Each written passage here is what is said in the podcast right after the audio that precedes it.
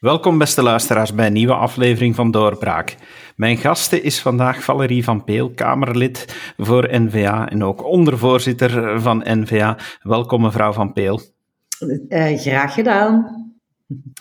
Mevrouw Van Peel, een dossier waar u al lang mee bezig bent, is het dossier omtrent uh, de RESIF-nummers die worden toegekend aan uh, artsen, tandartsen die afstuderen. Mm -hmm ja, misschien, misschien moet u daar eens even toelichten wat juist het belang is van zo'n RESIF-nummer.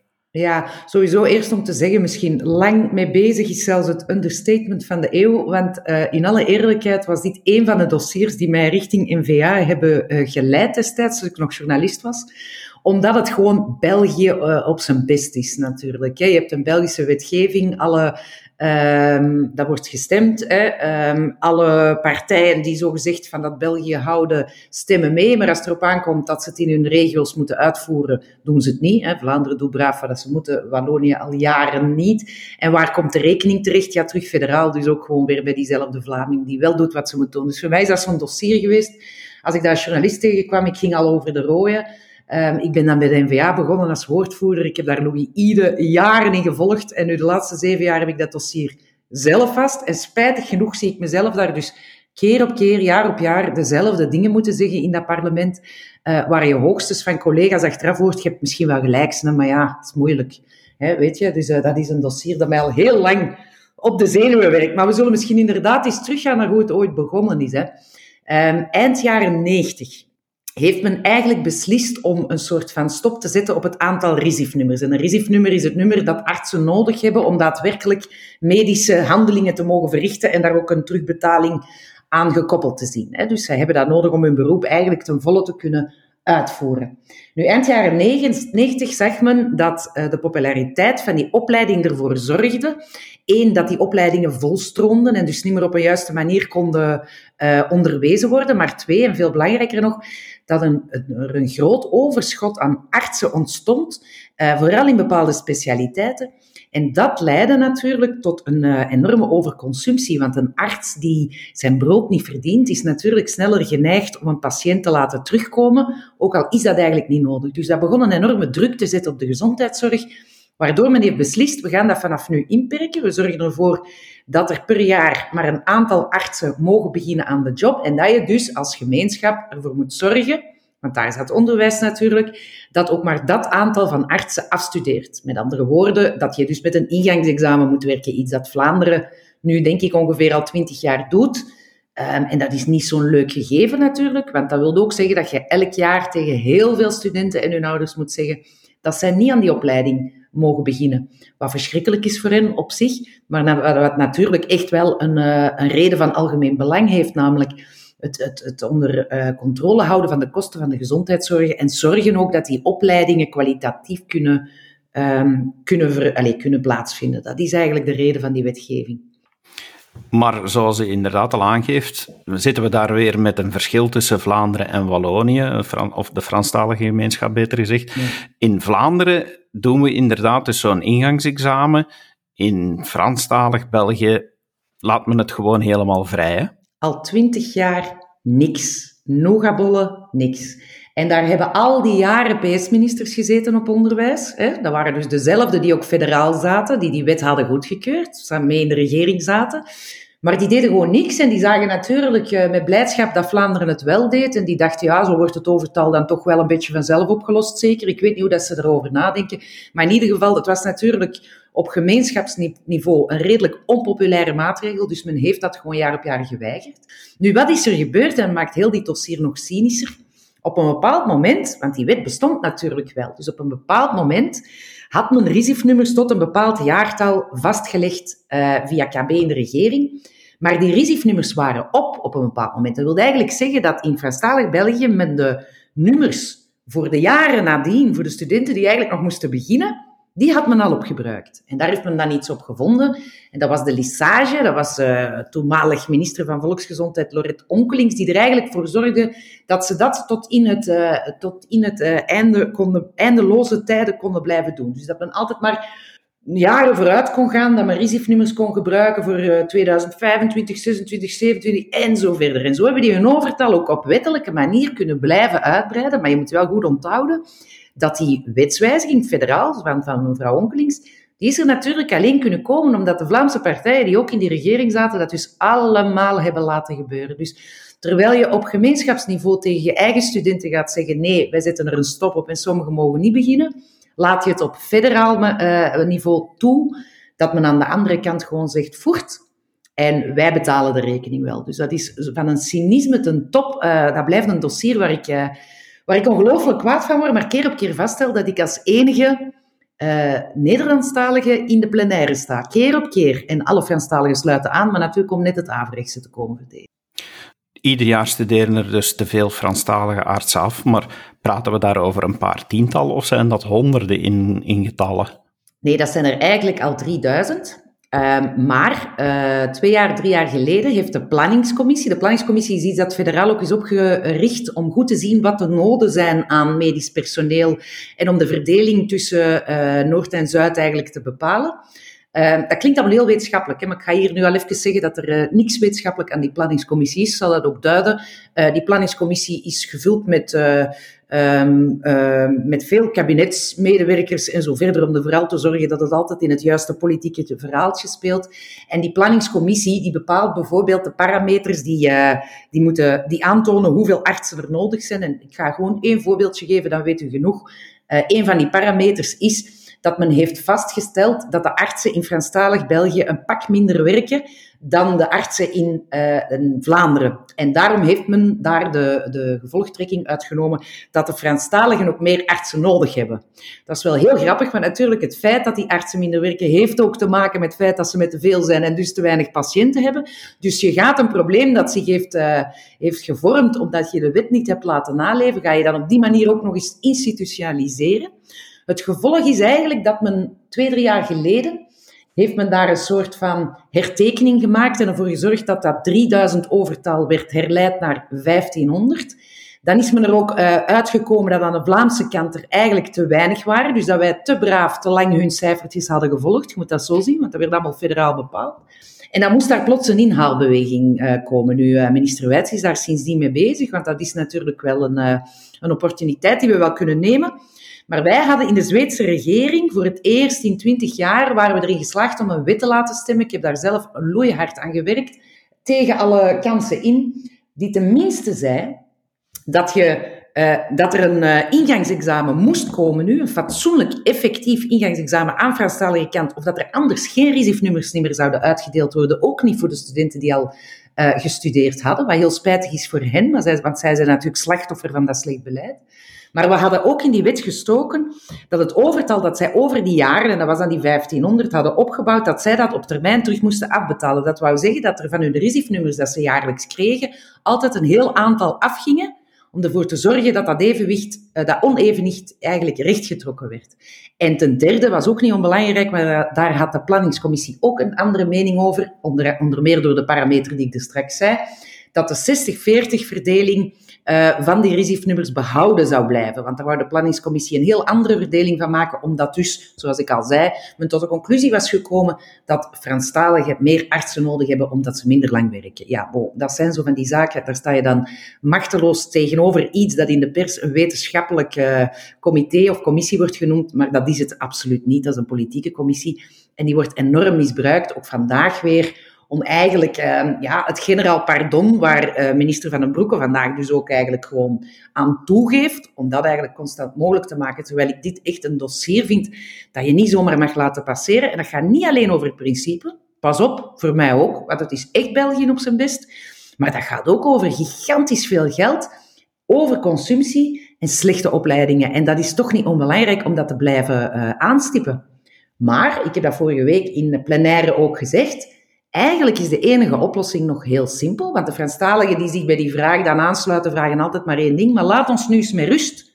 Wij willen dat zelf bepalen. En dan zeg ik, zelf bepalen is zelf betalen. Heel simpel, hè. Heel goed idee. Ik vind dat een top idee zelfs. Laat ons de gezondheidszorg splitsen. Daar is uh, heel veel evidentie voor om dat te doen.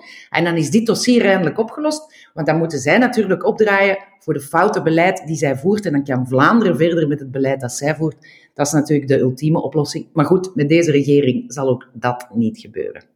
Nee, want het is dus zo dat deze regering opnieuw eigenlijk eh, het heeft goedgekeurd dat er te veel afgestudeerd zijn en dat er toch maar extra recifnummers worden ja. uh, toegekend. Ja, en het gaat nog verder eigenlijk, maar dat komt er nog aan. Het is daarom het zal niet het laatste zijn dat we erover zeggen, David, want uh, minister Van den Broeke heeft op een dag dat er een overlegcomité was, want zo slim is hij wel, alvast twee KB's uitgevaardigd. Dat kan hij dan op zijn eentje, hè, dat moet niet via het parlement. Uh, koninklijke besluiten zijn dat, waarin staat dat de afstuderende uh, studenten van uh, dit jaar weer gewoon allemaal hun RISIF-nummers krijgen, ook al is er geen ingangsexamen. En hij heeft een nieuw KB uitgevaardigd dat ook al de RISIF-nummers geeft voor de studenten die nu beginnen, waarin hij dus ook geen uh, stop zet. Hè? Dus hij heeft dat gewoon slinks gedaan op een dag dat de pers er zeker niet naar zou kijken. Dat is hem ook weer al gelukt. En als je hem dan vraagt in plenaire, ja maar wat is hier de bedoeling van? Dan zegt hij dat hij eens gaat praten met de bevoegde uh, um, gemeenschapsministers. Ja, dat is om te lachen natuurlijk. Hè. Men praat al 25 jaar uh, met die bevoegde PS-ministers aan Franstalige kant. Um, ik zeg het, de PS zit mee in zijn regering, dus ze zou het eigenlijk zelfs nog veel rechtstreekser kunnen bepraten. Maar dat is natuurlijk gewoon uh, ja, een, een, doekje voor het bloeden. En dat is om er voor dit jaar weer vanaf te zijn. Maar het gaat dus nog verder, want hij wil de wetswijziging die wij onder Zweeds hebben um, kunnen laten stemmen, hè, waar waarin die principes staan, en ook het afbetalen van het overtal, die wil hij ook laten uh, schrappen, zodat men dat overtal dus ook niet meer moet betalen. Dat wil zeggen een volledig, volledig generaal pardon voor 25 jaar van uh, onwettelijk gedrag in de Franse gemeenschap op kosten van ons. Dus allez, ik weet niet hoe, dat ik dat, hoe vaak dat ik dat nog moet uitleggen, hoe schrijnend dat dat is, maar um, ja, dat blijft dus een dossier, spijtig genoeg.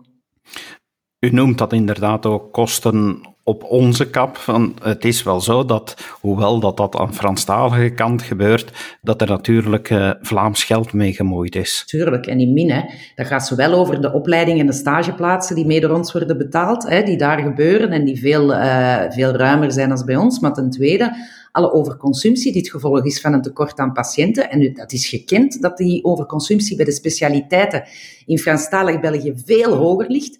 Ja, die betalen wij gewoon mee. En dat is ook zo'n punt, David, dat moet ik ook zeggen, want dat is, dan wordt altijd gebruikt als argument. Ja, maar er is een tekort aan artsen, hè? want er is een tekort aan huisartsen. Dat klopt, dat hebben wij trouwens in, in, in Vlaanderen ook. Hè? En in Franstalig België is dat tekort zelfs nog groter. Het grote bewijs dat dat niks te maken heeft met de federale quota, ligt eigenlijk in het feit dat men die tekorten ook in Franstalig België kent. Want daar heeft men nooit geen quota gehad. Het probleem met de huisartsen, dat moeten we aanpakken, hè, want dat is belangrijk. Hè? Heeft te maken met het feit dat heel weinig studenten voor die specialiteit kiezen. En daar moeten we die specialiteit dus terug aantrekkelijker voor maken en beter voor toewijzen. En dat is een gemeenschapsbevoegdheid. Dus zij verschuilen zich altijd achter dat gegeven om van die federale quota uh, af te geraken. Maar het een heeft met het ander echt letterlijk niks te maken. Um, nu, Van den Broeke ging deze keer eigenlijk nog verder, want hij wist wel dat hij wat uitvluchten moest zoeken. Dus hij pakte één de huisartsen nog eens. Hè, dus uh, absoluut absolute onzin. Maar het tweede zei hij, en dat vond ik eigenlijk helemaal cynisch, zei hij dat de COVID-periode, de coronaperiode, had aangetoond dat er globaal te weinig artsen waren. Nu, nu wil ik wel, hè, maar er zijn niet te weinig artsen geweest in deze periode. Er is te weinig zorgpersoneel geweest in deze periode. Dat is iets compleet anders, heeft met deze discussie niks te maken. Artsen waren er niet tekort. En ten tweede, denken dat je voor de coronacrisis nu meer artsen moet laten beginnen aan een studie om binnen zeven jaar met meer te zijn, ja, zo kun je natuurlijk alles uitleggen. Maar ik denk dat we de coronacrisis van vandaag daarmee niet mee gaan oplossen. Dus men, men verschuilt zich achter zoveel ja, non-argumenten in dit dossier dat het echt frustrerend wordt. Maar spijtig genoeg is het weer zo'n dossier waar de media door het bomen het bos niet zien. Hè. Degene die dat vroeger nog kende was Giet Tegenbos. Die heeft daar jaren, jaren mee tegen gepalaverd. Maar vandaag zie ik dat heel vaak tussen de mazen van het net van de media glippen. En nogthans blijf ik het een belangrijk dossier vinden. Alleszins dan al niet bij doorbraak, eh, is bij deze podcast Helemaal, bewezen. dat bewijst, maar, uh, bewijst het nog maar eens. Maar u zegt daar ook van, ja, te veel artsen. Er zullen veel mensen zijn die naar deze podcast luisteren en het gevoel hebben, ja, er zijn toch niet te veel artsen. Als ik probeer een afspraak te maken bij een specialist, moet ik maanden wachten. De ja. laatste tijd staan de kranten vol uh, van, van mensen die moeten wachten op psychiatrische hulp. Uh, dan lijkt het toch allemaal dat er zeker niet te veel artsen zijn. Ja, maar dat klopt dus. En dat is het misverstand dat bij veel mensen ontstaat, wat ik begrijp. Hè. Er zijn bepaalde tekorten in bepaalde groepen artsen. En in andere groepen artsen, stond deze week ook nog in de krant, zijn er een, uh, zijn er een overtal. Hè? Dus die toewijzing van die studie op het einde van de rit, van welke specialiteiten dat de studenten net gaan volgen, die gebeurt niet voldoende en wordt ook niet gemotiveerd. Ik zal het heel anders, ik zal het eens anders stellen. Als, als je als student uh, aan die opleiding begint en je weet dat je 7, 8, 9 jaar soms moet studeren, dan kiezen de meesten natuurlijk voor die opleiding of die specialiteit die daarna ook het meeste verdient. Hè? Daar zit een enorm onevenwicht qua specialiteiten van artsen. En je ziet onder andere dat, maar er zijn ook nog wel andere argumenten. Bijvoorbeeld uh, de, de, job van de huisarts, die meer en meer is verworden tot administratie, waar we ook dringend eens iets moeten aan doen.